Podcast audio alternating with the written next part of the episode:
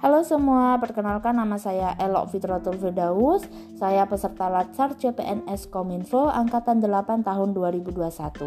Di segmen ini saya akan menyampaikan summary atau ringkasan modul etika publik yang ada di serangkaian nilai aneka ASN. Ada tiga kategori yang akan saya sampaikan. Yang pertama adalah kode etik dan perilaku pejabat publik. Yang kedua, bentuk-bentuk kode etik dan implikasinya. Yang ketiga, aktualisasi etika ASN. Yang pertama, saya akan menyampaikan dulu apa sih etika. Etika mungkin lebih dipahami sebagai refleksi atas baik atau buruk, benar atau salah yang harus dilakukan atau bagaimana melakukan yang baik atau benar. Sedangkan moral mengacu pada kewajiban untuk melakukan yang baik atau apa yang seharusnya dilakukan. Kita masuk ke pembahasan kategori yang pertama adalah kode etik dan perilaku pejabat publik. Pengertian kode etik adalah peraturan yang mengatur tingkah laku dalam suatu kelompok khusus. Sudut pandangnya hanya ditunjukkan pada hal-hal prinsip dalam bentuk ketentuan-ketentuan tertulis. Kemudian saya sampaikan prinsip aparatur sipil negara. Yang pertama adalah nilai dasar, yang kedua kode etik dan kode perilaku, yang ketiga, komitmen, integritas moral, tanggung jawab pada pelayanan publik. Yang keempat, kompetensi yang diperlukan sesuai bidang tugas. Yang kelima, kualifikasi akademik. Yang keenam, jaminan perlindungan hukum dalam melaksanakan tugas. Kemudian yang ketujuh, profesionalitas jabatan. Lalu, apa saja sih nilai-nilai dasar etika publik? Berdasarkan Undang-Undang ASN Pasal 4 ada 15 nilai-nilai dasar etika publik. Yang pertama memegang teguh ideologi Pancasila, yang kedua setia dan mempertahankan UUD Negara Republik Indonesia tahun 1945 serta pemerintahan yang sah. Yang ketiga mengabdi kepada negara dan rakyat Indonesia. Yang keempat menjalankan tugas secara profesional dan tidak berpihak. Yang kelima, membuat keputusan berdasarkan prinsip keahlian. Yang keenam, menciptakan lingkungan kerja yang non-diskriminatif. Yang ketujuh, memelihara dan menjunjung tinggi standar etika luhur. Kedelapan, mempertanggungjawabkan tindakan dan kinerjanya kepada publik. Yang kesembilan, memiliki kemampuan dalam melaksanakan kebijakan dan program pemerintah. Kesepuluh, memberikan layanan kepada publik secara jujur, tanggap, cepat, tepat, akurat, berdaya guna, berhasil guna dan santun. Yang sebelas mengutamakan kepemimpinan berkualitas tinggi. Ke-12 menghargai komunikasi, konsultasi, dan kerjasama. Kemudian yang ke-13 mengutamakan pencapaian hasil dan mendorong kinerja pegawai. Yang ke-14 mendorong kesetaraan dalam pekerjaan dan yang ke-15, meningkatkan efektivitas sistem pemerintahan yang demokratis sebagai perangkat sistem karir. Kemudian masuk ke kode etik. Ada 12 kode etik dan kode perilaku ASN berdasarkan Undang-Undang ASN Pasal 5.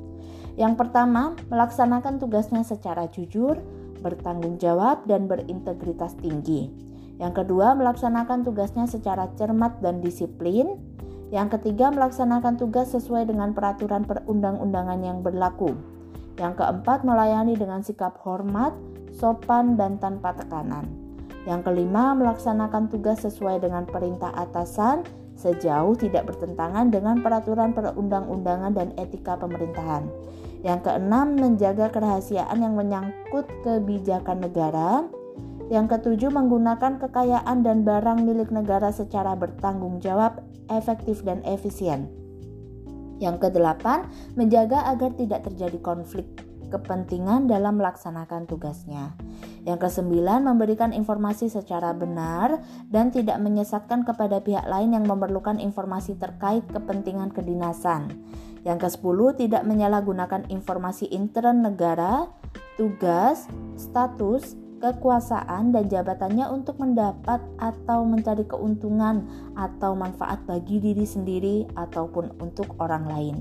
Yang ke-11 memegang teguh nilai dasar ASN dan selalu menjaga reputasi dan integritas ASN dan yang ke-12 melaksanakan ketentuan peraturan perundang-undangan mengenai disiplin pegawai ASN.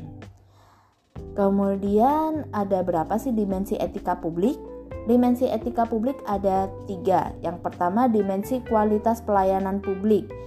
Moral dalam etika publik menuntut lebih dari kompetensi teknis karena harus mampu mengidentifikasi masalah-masalah dan konsep etika yang khas dalam pelayanan publik. Kemudian yang kedua ada dimensi modalitas. Ini mencakup tiga hal unsur modalitas dalam etika publik yaitu akuntabilitas, transparansi, dan netralitas. Kemudian untuk dimensi yang ketiga adalah dimensi tindakan integritas publik. Integritas publik menuntut para pemimpin dan pejabat publik untuk memiliki komitmen moral dengan mempertimbangkan keseimbangan antara penilaian kelembagaan, dimensi-dimensi pribadi, dan kebijaksanaan di dalam pelayanan publik. Jadi, integritas publik juga dimaksudkan dari pejabat publik yang sesuai nilai, standar, aturan moral yang diterima masyarakat Integritas publik juga merupakan niat baik seorang pejabat publik yang didukung oleh institusi sosial seperti hukum, aturan, kebiasaan, dan sistem pengawas. Kemudian ada beberapa tuntutan etika publik dan kompetensi. Tanpa kompetensi etika, pejabat cenderung menjadi tidak peka, tidak peduli dan diskriminatif, terutama pada masyarakat kalangan bawah Etika publik merupakan refleksi kritis yang mengarahkan bagaimana nilai-nilai kejujuran, solidaritas, keadilan, kesetaraan, dan lain sebagainya dipraktekkan dalam wujud keprihatinan dan kepedulian terhadap kesejahteraan masyarakat atau kebaikan orang lain. Kemudian untuk perilaku pejabat publik saat ini membutuhkan perubahan mindset, di mana yang pertama penguasa adalah pelayan. Kemudian yang kedua, wewenang membutuhkan peranan. Yang ketiga, jabatan merupakan amanah. Lalu dalam reformasi birokrasi ada delapan area perubahan yang harus dilakukan oleh seluruh kementerian atau lembaga dan pemerintah pusat dan daerah di Indonesia. Yakni yang pertama manajemen perubahan, yang kedua penataan peraturan perundang-undangan, yang ketiga penataan dan penguatan organisasi, yang keempat penataan tata laksana, yang kelima penataan sistem manajemen SDM, yang keenam penguatan akuntabilitas, yang ketujuh penguatan pengawasan, yang kedelapan peningkatan pelayanan publik. Lalu kita masuk pembahasan yang kedua, Pembahasan yang kedua yakni bentuk-bentuk kode etik dan implikasinya. Apa sih pentingnya etika dalam urusan publik ya? Yang pertama harus ada kewaspadaan profesional. Ini menaati kaedah-kaedah teknis dan peraturan-peraturan yang terkait dengan kedudukannya sebagai seorang pembuat keputusan. Yang kedua, masuk ke waspadaan spiritual. Ini penerapan nilai-nilai kearifan, kejujuran, keuletan, sikap sederhana dan hemat, tanggung jawab, serta akhlak dan perilaku yang baik. Lalu ada istilah penggunaan kekuasaan atau legitimasi kebijakan. Legitimasi sendiri adalah kewenangan dan keabsahan penggunaan kekuasaan ini dibagi ada tiga jenis ya. Yang pertama legitimasi kekuasaan, yaitu masyarakat tunduk pada kekuasaan raja-raja karena mereka percaya bahwa raja adalah satu-satunya manusia yang memegang amanat Tuhan serta memiliki kekuatan kodrat yang besar. Lalu ada legitimasi sosiologis. Ini proses interaksi di dalam masyarakat yang memungkinkan sebagian besar kelompok sosial setuju bahwa seseorang patut memimpin mereka dalam periode pemerintah tertentu. Lalu ada legitimasi etis. Ini norma etika menjadi penopang dari berbagai ideologi dan aturan-aturan hukum yang terdapat di dalam masyarakat. Lalu, setiap pegawai pemerintah harus menghindari konflik kepentingan dalam pelaksanaan tugasnya. Karena konflik kepentingan akan mengakibatkan yang pertama penyalahgunaan kekuasaan, yang kedua pengerahan sumber daya publik yang kurang optimal, dan yang ketiga peningkatan kesejahteraan rakyat terabaikan. E, ada beberapa bentuk perilaku konflik kepentingan. Yang pertama bisa disebut istilah aji mumpung, yang kedua ada loyalitas ganda, kemudian bisa menerima atau memberi suap, lalu pemanfaatan informasi rahasia, bisa juga menyalahgunakan pengaruh publik, dan pemanfaatan fasilitas organisasi atau lembaga untuk kepentingan pribadi. Lalu ada beberapa sumber-sumber kode etik ASN. Yang pertama ada peraturan pemerintah nomor 11 tahun 1959 tentang sumpah jabatan pegawai negeri sipil dan anggota angkatan perang. Yang kedua ada peraturan pemerintah nomor 21 tahun 1975. Ini tentang sumpah jabatan atau janji pegawai negeri sipil. Yang ketiga ada peraturan pemerintah nomor 30 tahun 1980. Ini tentang peraturan disiplin pegawai negeri sipil. Yang keempat ada peraturan pemerintah nomor 42 tahun 2004. Ini tentang pembinaan jiwa Korps dan Kode Etik Pegawai Negeri Sipil. Kemudian yang kelima ada peraturan pemerintah nomor 53 tahun 2010 ini tentang disiplin PNS. Yang terakhir ada peraturan pemerintah nomor 5 tahun 2014.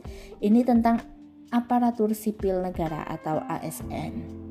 Lalu implikasi kode etik dalam pelayanan ini bisa dalam skema seperti ini. Jadi dari seseorang yang adanya ketidaktahuan norma yang menyebabkan adanya perilaku penyimpangan dari diri individu atau suatu kelompok. Kemudian karena adanya penyimpangan, maka ASN bersangkutan perlu untuk diberi peringatan. Caranya yang pertama melalui sosialisasi sumber-sumber kode etik, kemudian bisa melalui pelatihan kepegawaian dan juga bisa melalui diskusi kasus nyata. Jika ini sudah dilaksanakan dan kode etik sudah masuk ke dalam jiwa ASN bersangkutan, maka tugas-tugas pelayanan publik bisa dilaksanakan secara maksimal. Kemudian pembahasan yang ketiga adalah aktualisasi etika ASN ada beberapa contoh kasus. Yang pertama, pemanfaatan sumber daya publik, jadi memakai fasilitas kantor untuk urusan pribadi. Kemudian, yang kedua, diberlakukannya absensi jari untuk bisa lebih memantaunya lebih mudah. Proses pemantauan lebih mudah. Yang ketiga, penerimaan tenaga honorer. Ini ada sangkut pautnya dengan KKN atau nepotisme. Kemudian yang keempat adanya pemberian hadiah atau cindera mata kepada ASN tertentu. Kemudian ada konflik kepentingan dalam pengadaan.